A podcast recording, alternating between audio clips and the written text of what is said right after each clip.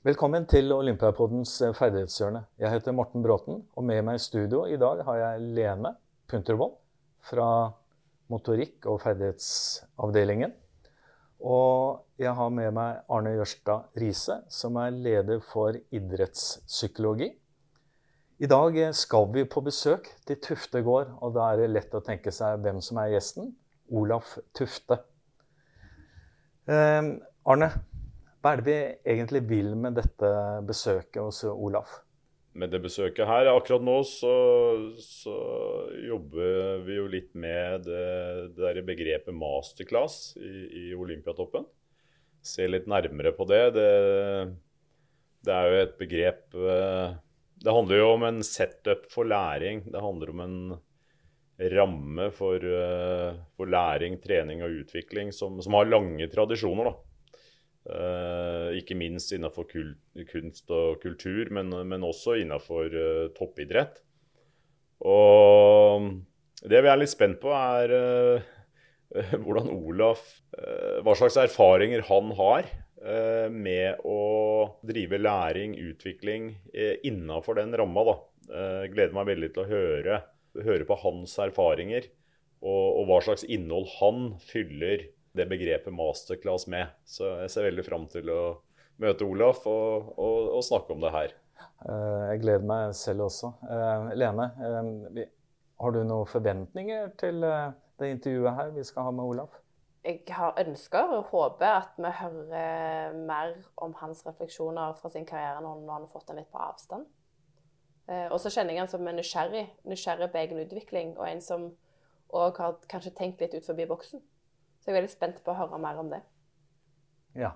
La oss høre hva Olaf eh, har å si.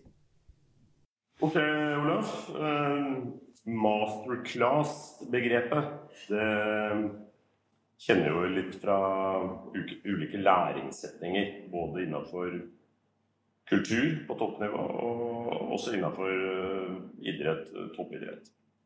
Vi har lyst til å utforske det begrepet litt. Uh, som setup for en mulig læringsarena. Treningsarena. Uh, så det første vi har lyst til å spørre deg om, Olaf, det er hvis vi sier masterclass uh, som setup eller som en ramme for en treningsøkt for utøvere på høyt nivå, kanskje på det aller høyeste nivået, hva sier du da? Gir det mening å bruke det begrepet masterclass for deg? Eh, han spiller egentlig ikke noe trille hva ting heter for min del. Det er hva som er inni den klasen, som er viktig. Uh, men jeg tenker umiddelbart at det her er beste av de beste som eh, legger, legger huene i bløt, er ydmyke og nysgjerrige på hverandre for å se hva vi kan ta med videre for å bli litt bedre i det vi egentlig holder på med. Det er for meg en masterclass. Hva, hva vil du si er det aller viktigste kjennetegnet ved en masterclass?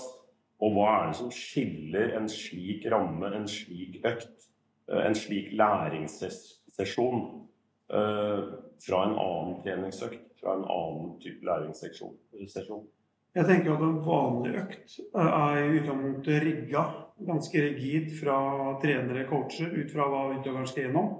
Mens i en masterclass så ville det heller vært sånn at de deltakerne som er der, eh, lager den økta litt underveis. Det er noen rammer for hva man tenker at man skal innom.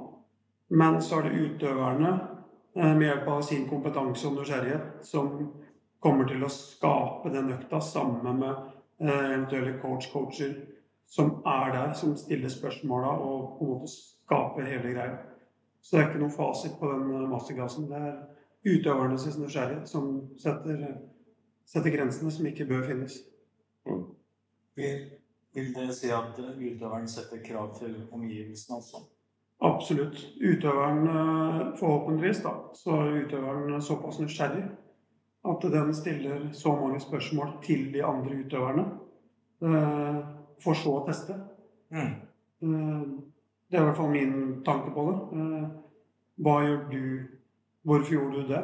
Mm. Eh, og så tester det. Og i dag, eh, fra egen erfaring, når jeg har vært i turn med deg, så er jo når man har fått en utfordring i et apparat til å gjøre det, eh, så gjør man jo i utgangspunktet mange feil for å prøve å få det til.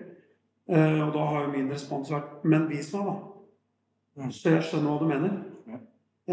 Og da tror jeg ni av ti ganger så har jeg jo løst det på en helt annen måte. Fordi jeg har sett hva du gjør, hørt hva du sier. Da er det mye lettere for meg å sette det sammen. Mm. Eh, Og det går på min nysgjerrighet og for øvelse utført.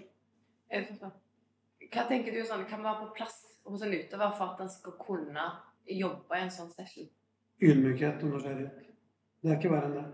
De aller beste utøverne mener jeg er de som er mest ydmyke og mest nysgjerrige. For de er trygge på hva de har gjort, vet hva som kreves for å komme dit de skal. Men jeg er bare veldig innstilt på er det noen flere ting jeg kan gjøre. Hva kan jeg lære av de andre menneskene jeg treffer, som gjør at jeg kan bli bedre til å gå på ski, stå på ski, ro, spille fotball, spille ingenting. Men det er, liksom, det er bare alltid på utkikk etter noen flere småting de kan eh, tilføre for å bli bedre. Ja, Nå har du jo sagt litt om det, hvilke krav du mener at en masterclass stiller til utøvere. da, Ydmykhet, nysgjerrighet. Eh, hvilke krav tenker du at en masterclass eh, stiller til trenere, eh, fagpersoner som er involvert? tenker at eh, de fagpersonene som skal være der, de må jo være ganske free-minded.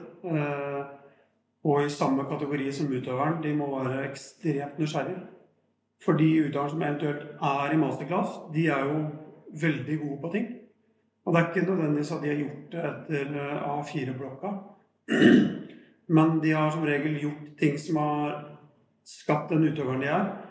Og hvis en coach da er nysgjerrig nok, så vil man jo prøve å finne ut av hva gjorde du, hvorfor gjorde du.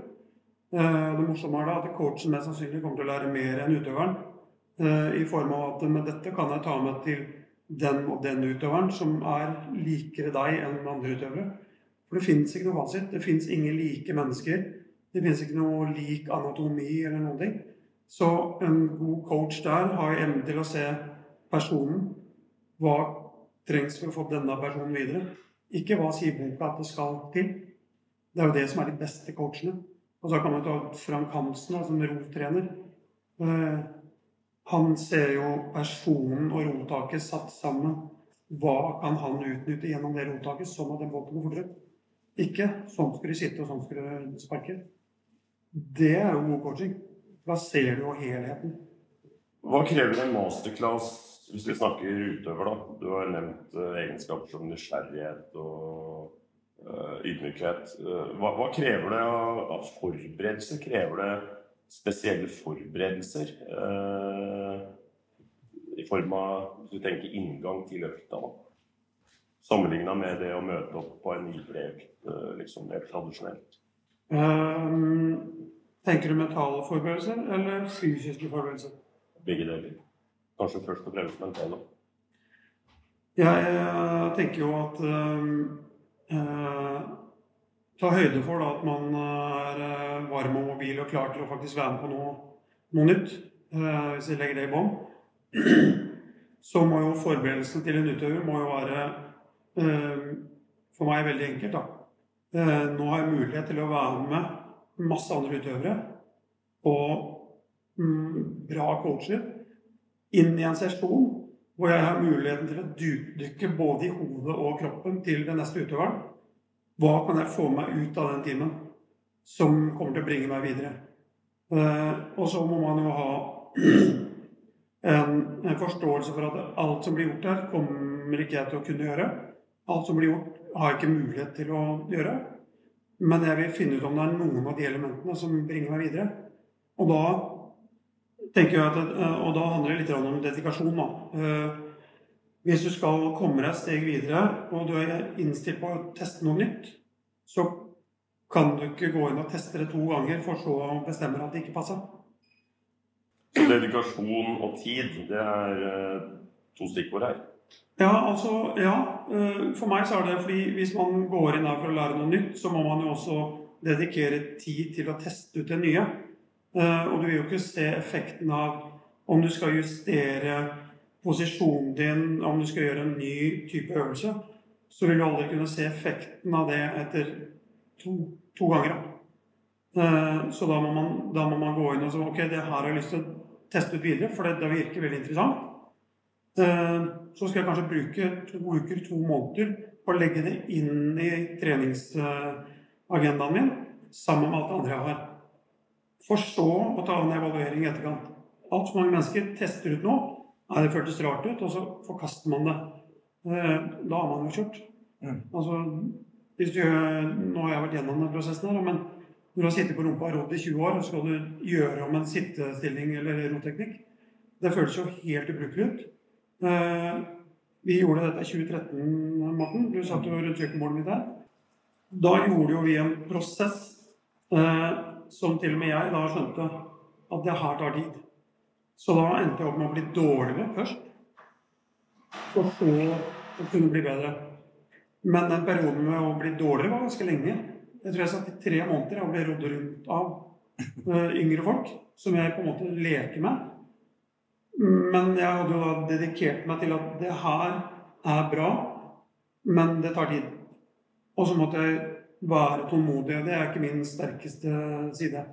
Men det var jeg nødt til å, å gjøre. Og enden på viset er at jeg endte opp med å ro fortere enn jeg egentlig noen gang har gjort. Og rodde riktigere og fikk mindre skadeplager av det. Men det er tid, da. Hva, hva, hva var det som egentlig motiverte deg for å stå på gjennom den perioden? Hva, kan du konkretisere det? Det hadde vært fint å høre. Eh, Jeg hadde jo lyst til å se om det var mulig å ro enda bedre enn det jeg hadde gjort til da. Og så hadde jeg jo gått i et mønster hvor jeg på en måte Jeg hadde jo linja at jeg vunnet, men jeg ble jo blind på mine egne styrker. Så jeg gjorde bare mer av det som gjorde meg god. Så mye at det gjorde meg egentlig dårligere. Ja. Da. Men da bretta jeg bare opp armene og gjorde enda mer. Og trodde at da kom jeg ut bedre. Men det var jo på en måte Min arroganse for det som var bra, endte med å bli min største eh, feil. Ja, ja. Eh, og, og da måtte man jo gjøre noe. Eh, og det var da jeg henta liksom, de syv-åtte menneskene rundt meg som jeg hadde mest tillit til, og spurte hva må jeg gjøre for å komme tilbake og bli bedre. Mm. Og tenker jeg at da er man én man er nysgjerrig, eh, to man er ydmyk på kompetansen rundt seg, og tre da er man i hvert fall villig til å være dedikert nok. Og den seansen som du var med på rundt middagsbordet her sånn, det var også en form for masterclass. Mm. hvor du er nysgjerrig på din egen utvikling, og du stiller noen spørsmål rundt bordet, Mm. så får du rake pucker. Ja, det var ikke mange, det var ikke mange slauskudd. Nei, det- altså, jeg, jeg vil påstå at den vi hadde der, da, Ja. eh, er en av de tøffeste sessionene jeg har tatt med, hatt mentalt noensinne. Ja. Fordi jeg fikk passe på eh, på alt jeg på en måte har gjort ved siden av, under eh, ting som kunne vært bedre. da. Ja. Det var nesten så ille at noen, noen av coachene måtte begynne å gi noen plusspoeng noen steder.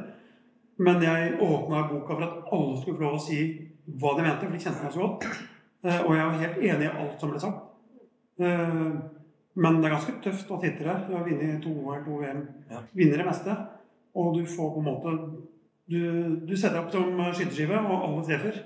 Ja, og du, Den er du er kledd naken. Ja, det Ganske. Men eh, i etterkant, da Fy faen, for en session. Altså alle som en god session. Ja. Ja, men da gjorde du motsatt. Der satt jo alle coachene igjen uh, i en masterclass. Og så var det én stakkars utøver. Ja, altså du, du har jo sjøl i din karriere, Olaf, eh, hatt Kall det treningsøkter, læringssesjoner som har blitt ramma inn og, og blitt kalt for en masterclass, bl.a. i London. Og vi vet at eh, noen av de har vart i opptil sju og en halv time. Eh, Det er ting som du har kjørt bl.a. med Britt Arid Foxell og Jane. Kan, kan du gi oss et helt konkret eksempel på en slik læringssesjon, en slik masterclass? Hvis du husker det, kan du gi oss et helt konkret eksempel. Og det vi er litt ute etter, det er hva jobba dere konkret med i de syv og en halv timene? Hvordan jobba dere med det? Og hva følte du at du satt igjen med etterpå? Et konkret eksempel. Eh, I etterkant så kan man jo forestille seg at noen hadde bestemt seg for hjernevaskere. det. Eh, var vel egentlig følelsen. Eh, For å begynne bakfra da når jeg gikk ut av den døra, så kunne jeg ikke skjønne at jeg hadde vunnet medaljer. For jeg følte meg fullstendig ubrukelig. Alt var feil. Det var jo ikke en muskel som jobba i riktig rekkefølge. Så altså, eh, lærdommen var eh, enorm. eh, Men idet man er ferdig, så lurer man på åssen i verden kan det her ha skjedd. For jeg funker jo ikke. Det er alt og gærent fra stortå helt opp til topplokket. Men, men det handler jo om Én ting er jo på en måte Britt, som da egentlig er fysio i bånn, som nå har blitt psykolog, selv om jeg ikke liker å bruke det uttrykket, som har, har så ekstremt bra kobling mellom muskulatur og, og, og hjernen. Eh, og så kommer da Jane inn, som er på en måte eh, eh, Hun er vel eh, Yoda i, i pilatesverdenen. Og hele settinga handla jo om at jeg i utgangspunktet har hatt noen operasjoner i kneet og ryggplager som setter spor i det jeg utfører, uten at jeg nesten er klar over det sjøl. Og dette er jo ting som Britt da har tatt tak i.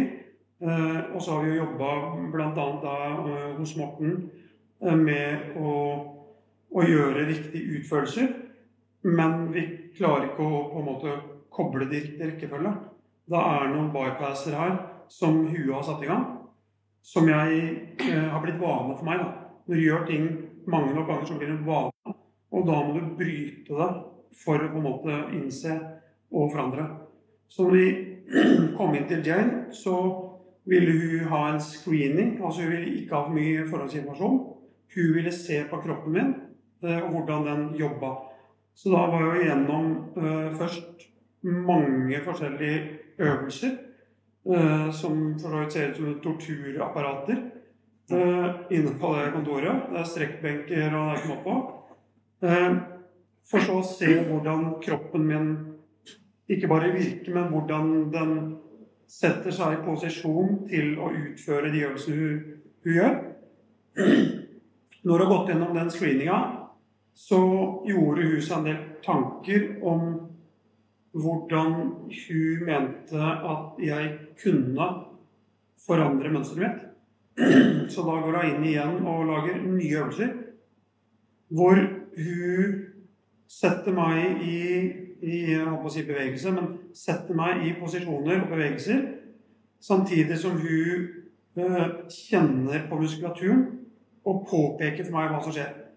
For så å forsøke å få meg til å skjønne hva som skulle ha skjedd, og vise meg da eh, ved å egentlig ta på meg og fortelle meg hvem muskel som nå bør aktiveres. Eh, Så jeg har vel kalt det i utgangspunktet at hun modellerer kroppen din. Du følte deg som en stor klump med modellkitt, hvor hun er inne og, og egentlig hun, hun, hun bare hun leker med kroppen din. Så um, for at det skal funke, da, så må du tørre å slippe. Uh, hvis du på en måte er uh, redd eller arrogant i forhold til hva du holder på med, uh, så vil du aldri tørre å slippe opp og la henne få utfolde seg. Da. Så det var kanskje eh, den største utfordringa. Det var å bare let go, som Britt ville sagt. Og la det her skje, sånn at vi faktisk finner ut av hva som foregår. Og, og det er jo derfor det på en måte tok så lang tid, for det var mange, det var mange feilmeldinger. da. Eh, selv om jeg fortsatt eh, klarte å utøve det jeg skulle ganske bra, så var det mange feilmeldinger. Så kunne det bli bedre. Så da var vi da inne liksom, Det er jo helt fra, liksom, fra grepet mitt gjennom armen, skulderen, rekkefølge på hvilken muskulatur som er aktivert mens den andre kan slappe av.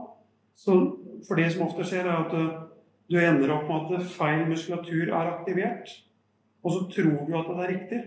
Så da bruker du mer energi enn du trenger istedenfor å gjøre det riktig. Da.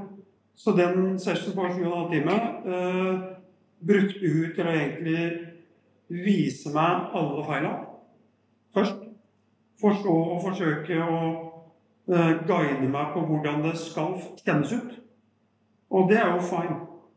Men dette er jo som å gå til en fysioterapeut. Det handler ikke om hva du gjorde der. Det handler om hva du gjør etterpå. Hun viste meg en del knep, men så var det min oppgave å trene på det etterpå. Eh, og da kommer jo bl.a. Morten inn, som da må ta med seg det inn når vi er i hallen.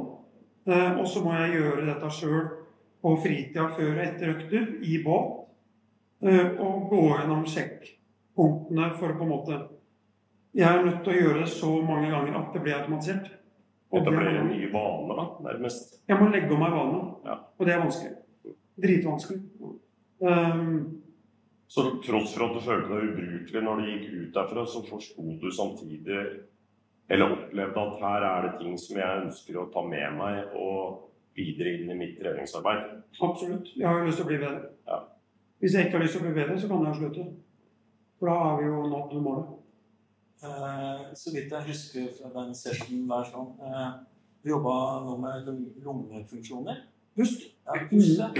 Eh, kan du fortelle litt om gangen i det? Ja, altså øh, Vi er litt avhengig av luft Ja.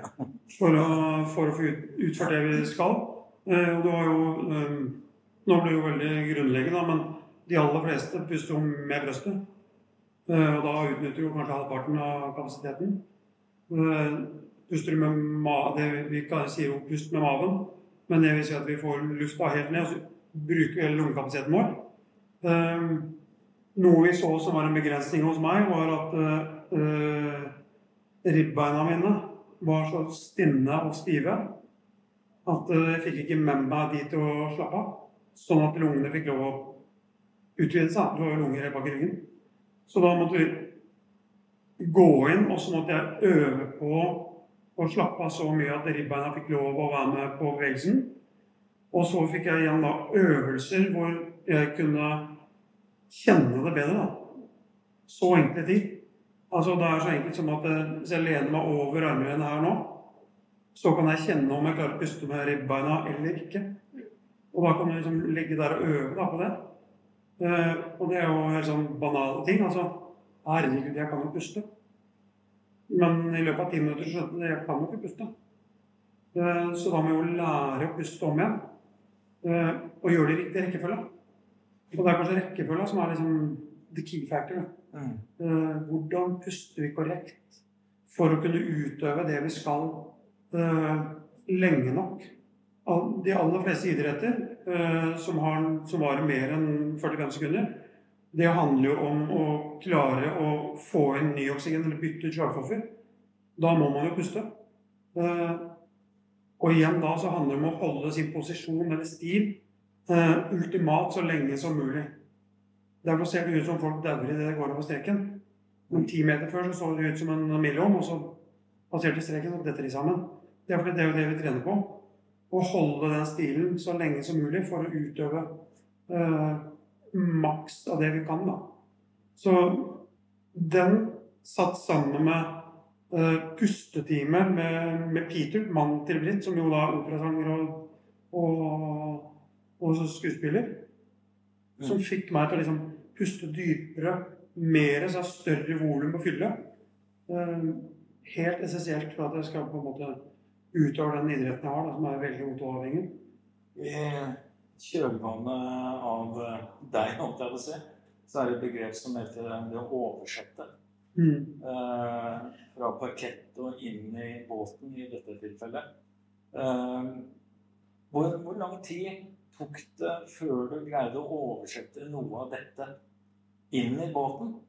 denne pusteteknikken? pusteteknikk, det med en god flow i bevegelsen. Mm. Hva, hva, liksom, hva, hvor lang tid brukte du på dette som Det er vanskelig å si eksakt, men Jo, jo. jo hva Men vi, vi, gikk jo, vi gikk jo til verks umiddelbart. Så det som er vanskelig, det er jo å tørre å gjøre det før du trenger det. Det er på en måte min greie. Ja. Tørre å puste før du tror du trenger pust. Mm. Sånn at du alltid har fulle lager. Og så er det jo lettere å trene på ting når man har på en måte en sone 1-økt. Da. da har man tid til å gjøre det, og det er poenget med sone 1 også. Det er jo å øh, teste og utøve teknikk. Om det er teknikk eller pusteteknikk, spiller ingen trille. Men her har vi rom og tid til å gjøre det. For det viktigste med sone 1 det er jo å holde på en stund. Så da, da har vi muligheten til å innøve ting. Og altså repetere korrekte ting. Så om det går litt saktere da, spiller ingen trille. Eh, og så var det å ta med seg det oppover, sone 2.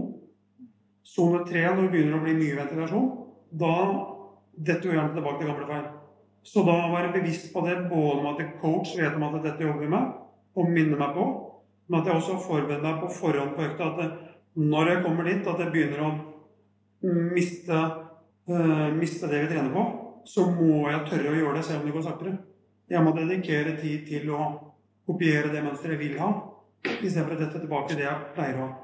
Eh, og det tok jo noen måneder for å klare å sitte da på full kapasitet og gjøre i riktig rekkefølge de øvelsene som vi har jobba med.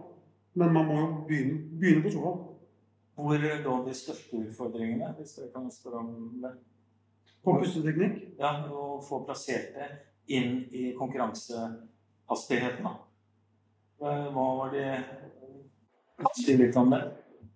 For, for meg i forhold til konkurransebiten så handler det om å tørre å gjøre det.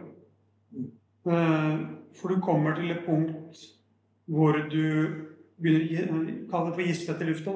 Begynner å ta snarveier for å få luft. Eh, Og det er jo starten på nedturen. Så det å tørre å holde på mønsteret så lenge som mulig, selv om det føles feil ut, Mm. det er på en måte det, er det som blir suksessfaktoren. Og det må jo trenes på.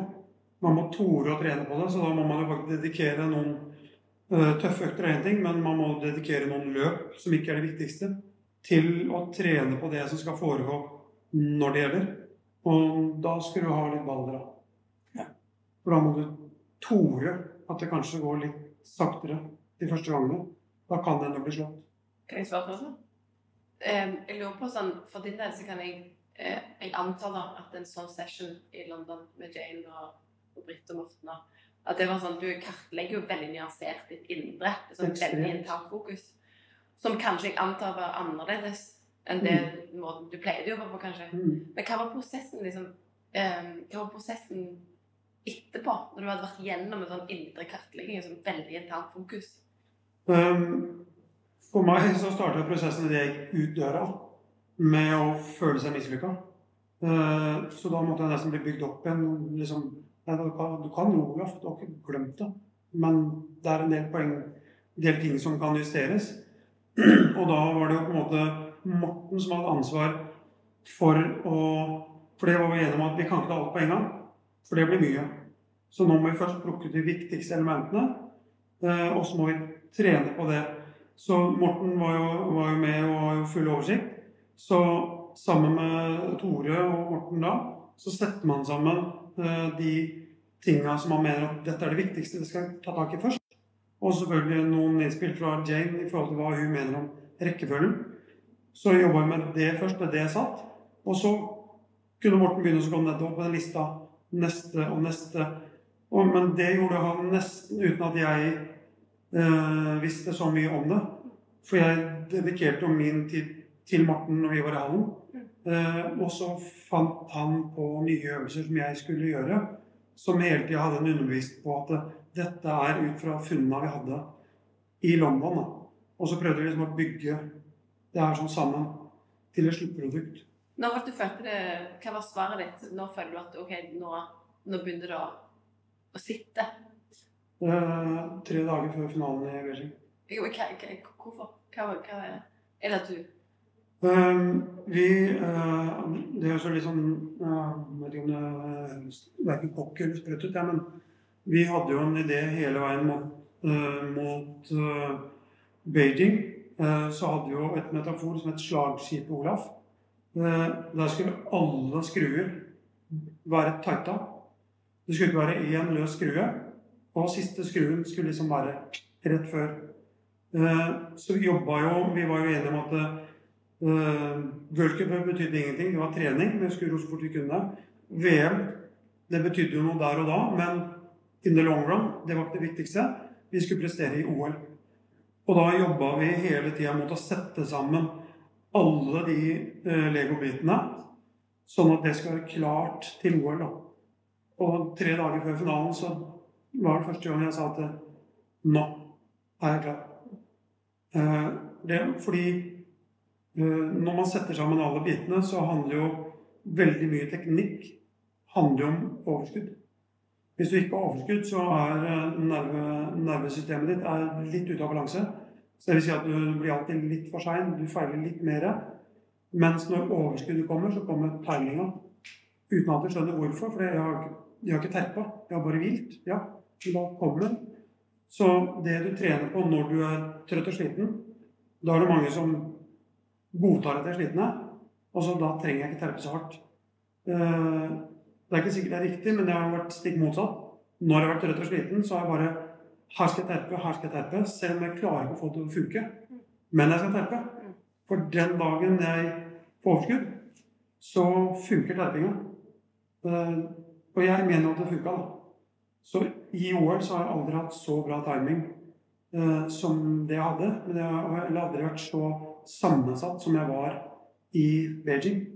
Altså, det var liksom Alt satt jo på plass. Nå var sikkert heldig med at det var flatt vann også, men det funka. Det var, liksom, det var ingen kroppsdel, det ingen muskel som ikke gjorde den jobben de skulle i riktig rekkefølge. eh, ut fra det vi hadde bestemt. da. Eh, så kan de som kan teknikk, kan sikkert klage på det ditt og da. det som foregikk mellom åreblad og min kropp, det var liksom Det matcha. Og den båten har aldri gått så bra. Det er ikke så bra at jeg skatt. Men det er på en måte den, langsiktige planlegginga over tid. da. Og det, det kan godt hende at det hadde jo ikke skjedd fra jeg var 23 eh, og fram til Aten. For da hadde jeg sikkert vært for opptatt av å løpe fort og løfte tungt. For det var på en måte meg.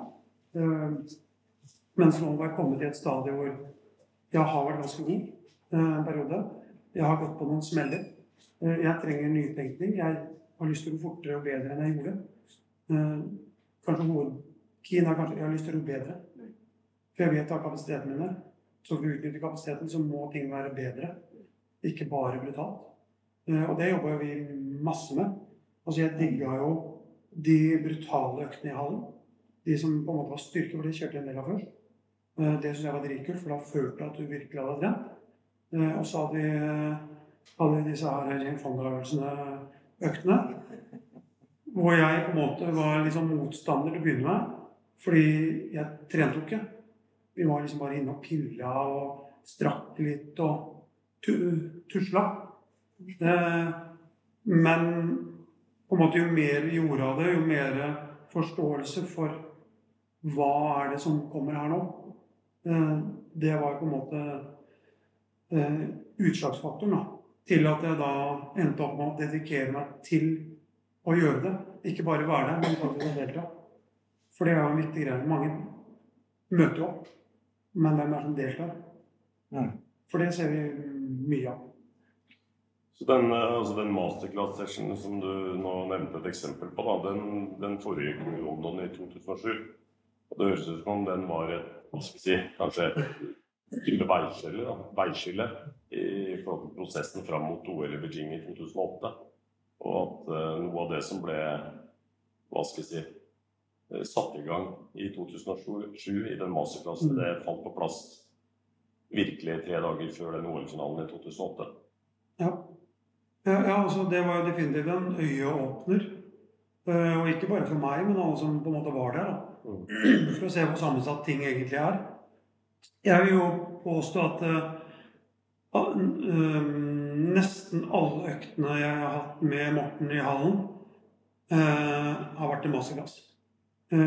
fordi jeg har hatt tillit til at det han holder på med, kommer til å gjøre meg bedre, for han kan noe som ikke jeg kan. og han ser ting som ikke jeg klarer å se sjøl. samtidig så har han vært så ydmyk og nysgjerrig på rotaket som ikke han kan. Så vi har jo hele tida hatt løpende dialog. Og jeg vet jo at mye av det han gjorde med meg, har jo blitt på en måte noen ganger standard, men også det han har brukt på både Rore, men også andre folk etterpå. ut fra hva han lærte om hvordan han angriper utøver. Så jeg, ja, jeg følte at det egentlig var masterclass hver gang jeg kom i hallen og var så privilegert at jeg hadde en coach som ivaretok mine interesser, som ikke alltid var like enig mm. Så visste jeg at det var til mitt beste at jeg fulgte. Ja, for vi, vi snakker om Vi snakker om vi som er trenere, da, coacher, snakker om at utøveren må være tilpasningsdyktig. Det må vi også være. For jeg må tilpasse meg den kompetansen som Olof satt på. Det må jeg lære av. Jeg må tilegne meg denne kunnskapen. Og jeg må lære det jævla rotaket. Mm. Jeg må tilpasse meg det. Og min kompetanse og kunnskap ved siden av det, det må jeg kjøre inn i det. Mm. Så du snakker om tilpasninger. Den åpne folk som er ofte Ja. snakker om. Ja. Mm. Så, og, det, og den eh, tilpasningen og den kunnskapen og kompetansen, den var jo ikke ferdig etter fem ganger. Jeg måtte hele tiden lære meg noe nytt for å hjelpe deg. Ja, ja. Så jeg måtte utvikle meg bevisst for å hjelpe Olaf. Og så måtte jeg tørre å teste alle tingene du fant på. Og så fant vi ut sammen om det var bra. Mm. Eh, og det syns jeg er en viktig greie. Altså, nå, vi jobba jo ekstremt med mange forskjellige uh, robevegelsesting. Mm. Uh, med, med fotbrett og trekk og rygg. Og, da, og da lagde vi jo Eller Morten eh, gjorde seg opp en mening om hva han hadde lyst til å teste ut på meg. Og så var det min tilbakemelding som gjorde at vi forandra øvelsen sånn at den blir enda mer relevant i forhold til bevegelsesmønsteret og, følelsen. Mm. Og da prater vi master, syns jeg. For da har vi på en måte Vi har en idé, vi har masse kunnskap, men så er vi åpne på at dette er ikke noen fasit. Nå skal vi polere dette her sånn, sånn at det er til det beste for dette individet eller den utøveren. Det er, og det er spennende. Og da er vi tilbake til eh, modellering. Mm, ja, og det var jo det. Du gjorde det, Tafse. Ja, Du ja du, du ba meg slutte å tafse. Vi tenker jo det at uh, ikke bare i roing, men i alle idretter. altså En utøver bruker jo mye tid eh, sammen med treneren sin. Uh, når vi snakker masterclass, altså Britt Hartvåg selv igjen, da, som har mye erfaring med det her, og som, som du har jobba tett med, hun, hun mener at begrepet masterclass også kan være synonymt med på engelsk da, eh, multidisciplinary interaction. Eller på norsk kanskje tverrfaglig samarbeid. Altså her er det flere øyne til stede, gjerne. Eh, Hva, hva tenker du om det? Eh, Jeg tenker at det høres jo, det ser veldig flott ut. Eh, Jeg tror at eh, skal man få det her til å funke, så må man være Man må være sikker på den kompetansen man har. Så sikker at man er ydmyk nok på at jeg kan lære noe av de menneskene jeg møter nå. For det er altfor mange som er veldig skråsikre på hva, de- kan, men mener også at det de kan, det er sånn det er. Så det er lite åpen for innspill. Så, og, og det kommer da igjen tilbake til de som er best både i coaching og som utøvere. De er mest nysgjerrige og mest ydmyke. Og det, det bare gjentar seg. Eh, jeg møter jo trenere som er så skråsikre. Eh, og det er en sånn morsom, morsom greie at eh, de som tror de kan ting, de prater jo så innvikla at vi står bare i himmelen med øya og tenker fy faen. Men du skjønner jo ingenting. Og så kommer de som er jæklig gode, og forklarer ting så enkelt at du lurer på om de kan noe. For det kan ikke være så enkelt. For en trener, da, hvis vi tenker eh, eh, masterclass i, i Olympia topprammer, så Hvilken rolle tenker du at treneren fra idretten eh, kan ha og bør ha i forbindelse med en masterclass-session, hvor det kanskje også er ikke bare kanskje, men hvor det er eh, eh, flere fagfolk, eh, gjerne fra Olympiatoppen, til stede. Mm. Hvor viktig tenker du at treneren i idretten er til stede? Eh, hvor viktig tenker du at det er, og hvilken rolle eh, bør han eller hun ha i en masterclass? Ja, det, det er et splitta spørsmål. Um, det ultimate, det er om treneren deltar. Sånn at treneren får forståelse for hva som faktisk foregår. Eh, men med all erfaring eh, så er det sånn at det er ikke alle trenere som alltid er komfortable til å bli på alt mulig. Eh, det er jo naturlige grunner. Da må de gjerne være med for å se, for å ha forståelse for hva som skjer. Men Da må de også være på det stedet at de er ydmyke nok til å innse at det finnes andre mennesker som kan noe. Og de er der for å lære. Lære om utvikling og sin utøver, og hva kan ta min utøver videre. Hvis ikke man er på det stadiet, så har man ikke noe i det rommet å gjøre. Da har man sannsynligvis ikke noe om å være coach for en topputøver. Men det er, det er jeg veldig tydelig på. Enten så er det der for å bidra, og det er ikke noe ramme på bidrag. Den går seg opp. Det ultimate er om du faktisk klarer å delta på en del av de tinga for å få forståelse om hva som skjer. Og selv om jeg har ropt som om ti år, så er jeg rusten. Så da må jeg gjenopplive mine følelser og bevegelser for å opprettholde den forståelsen. Så det eh, Jeg hadde jo jeg hadde jo en gang i tida verdens beste trener, om det tok lang tid å få han dit. Eh, men en av tingene hans som jeg var opptatt av, eh, det var at han Da trente jo veldig mye aleine. Det var at han var så god form at han kunne være med meg på en del økter. Så nå hadde jeg veldig mye sone 1 alternative økter. Om det var løping eller sykling f.eks. Men vi brukte den tida til å diskutere roing og trening, sånn at vi var litt effektive. Og det var så jævlig viktig.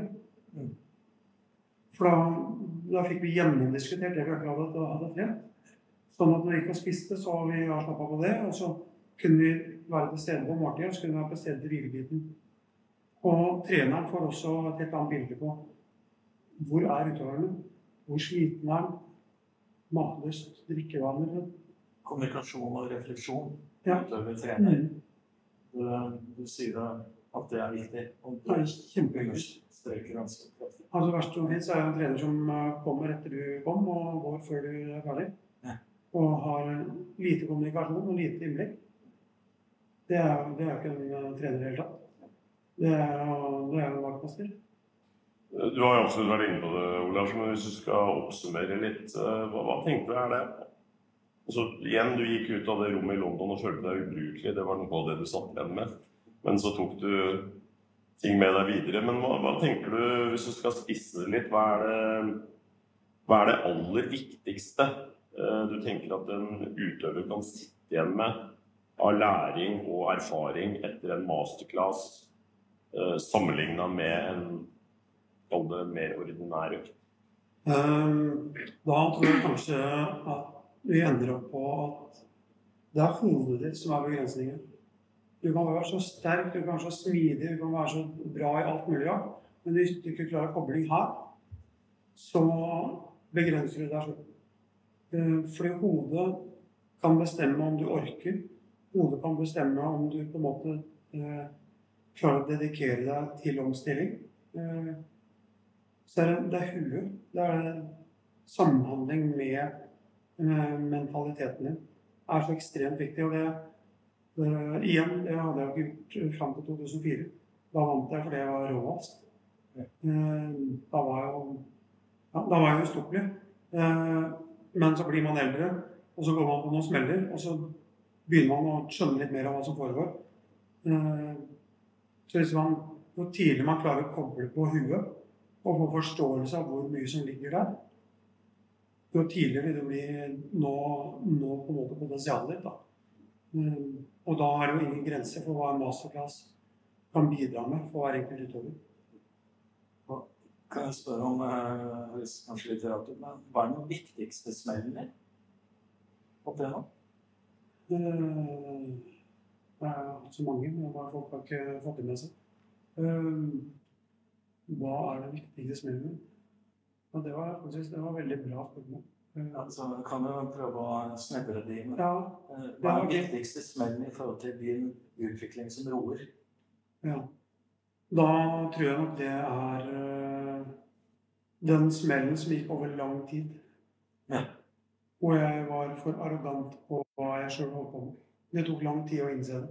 Var, var det etter Aten, eller? Eller var det en fast det var faktisk, ja, det var jo det var faktisk etter, etter Beijingen. Ja, du beskrev det litt i stad. Mm.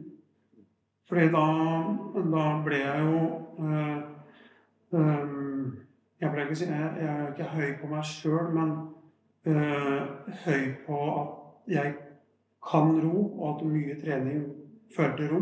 Mm. Det ble på en måte min bane, da. Eh, og så gikk jeg opp på en fysisk smell etter Beijing. Fordi det var så mange ting som spiste meg opp. Eh, men når jeg gikk på den smellen, så skulle jeg bare trene mer. Da skulle jeg bare, Fordi resultatene gikk nedover, så øka jeg bare mengden. Og det var på en måte det som gjorde at jeg på en måte rodde meg i senk. Både stil, eh, fysikk og mentalt. Så innen London 2012 så var jo Så rodde jeg jo dårligere teknisk enn nesten noen gang. Jeg var jo svakere i huet enn noen gang, fordi at jeg hadde jo fortalt meg sjøl hvor dårlig jeg rodde, og hvor dårlig form jeg var. Og det stemte jo. Eh, og fysikken min var jo da også kjørt, for jeg hadde, fantes ikke overskudd. Eh, og det var da på en måte vendepunktet for meg er enten så gir du deg nå, og så får du godta at du ikke hørte på liv. Mm. Eller så reiser du deg, og så bruker du kompetansen rundt deg til å komme tilbake og vise deg sjøl at eh, du kunne bedre enn det her, og så kan du lukke boka og være happy. Mm. Um, og da har man jo rundt kjøkkenbordet der. Ærlig, ærlig sak å komme. Mm. Man blir jo blind på det man gjør. Som avslutningsvis, Olaf. Eh, som sagt, vi, nå har vi kasta opp masterclass-begrepet litt. Og du har fylt det med, med innhold basert på dine erfaringer. Eh, tenker vi som Olympiatopp eh, Vi er litt ute etter å ja, børste litt støv av det og fylle det litt med innhold. Det er noe vi tenker som en mulighet. Kanskje et litt ledende spørsmål, men syns du masterclass som en eh, setup for trening eh, Er det noe Olympiatoppen bør ha på menyen sin, liksom? For eh, utøvere som vi jobber? Jeg er overraska over at det ikke er Olympiatopp. Olympiatoppen er jo til for å videreutvikle gode utøvere og coacher til å bli enda bedre og til å kunne være gode over tid. Det er på en måte mitt synspunkt om Olympiatoppen. Eh, Olympiatoppen skal ikke skape utøvere, de skal polere dem. Som vi har kommet nå, så syns jeg at altfor mange idretter, altfor mange trenere, sitter på hver sitt hue og er eh, hovmodne på sin egen kompetanse. Og livredde for at eh, andre skal kunne komme inn og gjøre ting som viser at de kunne gjort noe mer. Eh, livredde for Jeg vet ikke egentlig hva de er livredde for, for det tullete i seg sjøl. Men vi bør tilbake til hvor de beste coachede utøvere samles mer for å, for å sammenligne kompetanse, sammenligne eh, mentale ting. Hva skjedde med basisøkt, som ikke trenger å være masterclass, men det gjør det til masterclass fordi mange utøvere samles. Én eh, har det gøy sammen. To eh, konkurrerer vennskapelig sammen. Og tre de prater sammen. Vi kommer ikke videre hvis vi ikke tør å prate sammen og prate med andre. Det å lære av andre utøvere hvordan ting kan gjøres, hvordan de tenker, hvordan de setter sammen ting. Eh, det var et så viktig element, i hvert fall på min opptur, at vi var samla. Eh, og så hadde vi jo på en måte en gyllen periode hvor Olympiatoppen følte at de klarte å få flest mulig coacher inn. Og nå har vi vært i en periode hvor coachene og rømmer igjen. Uh, hvorfor de rømmer, det er jo mange diskusjoner om. Skal Olympiatoppen lykkes med å opprettholde det, så må coachene være på plass. Coachene kan ikke alltid være bestilt. Det vil si at Hvis en coach er i treningsrommet og en utøver som den har på en måte samarbeid med trening på, så mener jeg at det er helt på sin plass at den coachen kommer bort, prater, uh, irettesetter eller coacher, selv om det ikke er hans time. Man har en felles interesse. Jeg nekter å tro at det finnes en coach på Olympiatoppen som ikke ønsker at utøveren skal bli god. For da er det ikke vits i å jobbe sammen. Når du snakker om coacher, så er det treneren til utøveren? Det du snakker om nå? Nei, Olympiatopp-coacher også. Ja, fagfolk òg. Fagfolk. Ja. Dere som er henta inn for å bidra med noe som ikke nødvendigvis treneren kan, men dere er bedre på. Ja. Altså ref. deg og meg, da. Mm. Når jeg har stått og, og dunka styrke, og du har gått forbi, Mm. så har du vært innom og stilt spørsmål. Mm. Eh, noen ganger bare vært rett på og sagt at dette er ikke det vi jobba med i hallen forrige dag. Det er sånn det skal være. For det er jo i egeninteresse for alle sammen. Vi er jo der for å bli bedre. Vi er jo ikke der for å drikke kaffe og, og skravle. Vi skal skravle om ting som gjør oss bedre. Og så skal det være høyde under taket til å hjelpe hverandre. Og konstruktiv tilbakemelding, det er å hjelpe. Hvis jeg forstår deg rett, så Du snakker litt om det, det som ikke er strukturert. altså En masterclass er ofte strukturert, altså en ramme. Ja. Men du, du nevner det savnet etter det som på en måte bringer, bringe mennesker sammen. Det, det åpne rommet hvor folk bare møtes og involveres. og ja. Hvor, hvorfor er ikke coachene nede og glaner mer? Hvorfor er ikke coachene borte og pirker? Eh, hvorfor er ikke mobilitet, bevegelighetstreneren, eh, og diskutere mer med styrketreneren mens utøveren er der? For å se om det er enig. Jeg vet at Morten jobber sånn. Men det eh, mangler vi mer og mer av. Eh, utøvere er jo livredde for å teste andre ting enn det de er gode på. For de er jo redd for å vise at de ikke er så gode på det. Og det, det, det, er, jo, det er jo helt uh, tullete. Det må jo være rom for å være dårlig på ting du ikke er vant til. Men det er jo definitivt rom for å bli bedre på det. Hvis dette er noe som gjør meg til en bedre utøver. Det må jo være fokus. Så, spør, så spørsmålet mitt til alle utøvere og trenere, coacher som går inn på Olympiatoppen, er jo Hva skal du gjøre i dag for å komme ut igjen litt bedre? For det er altfor mange som kommer subbende inn med kaffekoppen i handa for å møte opp. Men igjen da å ha den masterklassen på menyen hvor det faktisk er en setting hvor kall det rammene er satt, da. Eh, Hvor forventningene er satt, hvor eh, en felles forståelse av hva som kan skje og hva som kan være utbytte, er satt. Mm. Eh, Er det noe vi bør ha på menyen? Jeg syns jo at man bør ha noen klasser hvor utøvere blir satt sammen. Og, og kanskje skal være masterclass bare for trenere. Hvor fagfolk er inne og piller i, piller i hjernebalken. Stiller spørsmål. Eh, noen for bare utøvere, noen kombinert utøvere og trenere. Eh, og her finnes jo ikke fasit på hva som skal være spørsmålet nå. Eh, Daniel har lyst til å bli god. Har lyst til å bli bedre. Da må vi utfordre. Da må vi gå Altså, hvis du skal bli god til å spille tennis, så kan du ikke bare klaske ball. Du må gjøre litt annet også. Jeg som roer jeg gjør veldig mye annet å ro. Eh, Og det er en av grunnene til at jeg ble god til ro. Fordi at jeg er øh, gjennomtrent. Jeg er forholdsvis allsidig. Fordi jeg har turt å gjøre så mange andre ting. Og vi har mange eksempler på trenere som ikke tør å la utøverne sine være med på andre ting som de ikke er vant til. For det har vi ikke bruk for. Og da tenker jeg, da er det ganske arrogant i forhold til hva du sjøl holder på med, og snevert gangsyn i forhold til hva som faktisk kreves for å skape en komplett utøver. Ja, da er vi tilbake igjen eh, fra Tufte gård. Eh, Dette var mektig. Hva er det vi tar med oss? Eh, Har du lyst til å si noe om det? Arne, har du lyst til å komme med Hva er det du sitter igjen med etter den samtalen med Olaf? Nei, Først og fremst så sitter jeg igjen med masse inspirasjon. eh, og trygghet eh, i forhold til at det kan være nyttig for oss å, å tenke videre eh, i forhold til å videreutvikle den rammen for læring som Olaf har snakket om, og som vi, vi kaller masterclass. Eh, sitter igjen med masse inspirasjon i forhold til å reflektere tverrfaglig videre i Olympiatoppen på hvordan vi kan fylle den rammen for læring med innhold her hos oss. Uh, I forhold til det å jobbe godt med utøvere på det aller øverste nivået. Og så sitter jeg igjen med hva skal jeg si, en klar oppfatning av at det er lett å tenke seg masterclass som en, en læringsramme hvor det liksom er mesteren som instruerer noisen, eller, eller den som ligger litt under i nivå.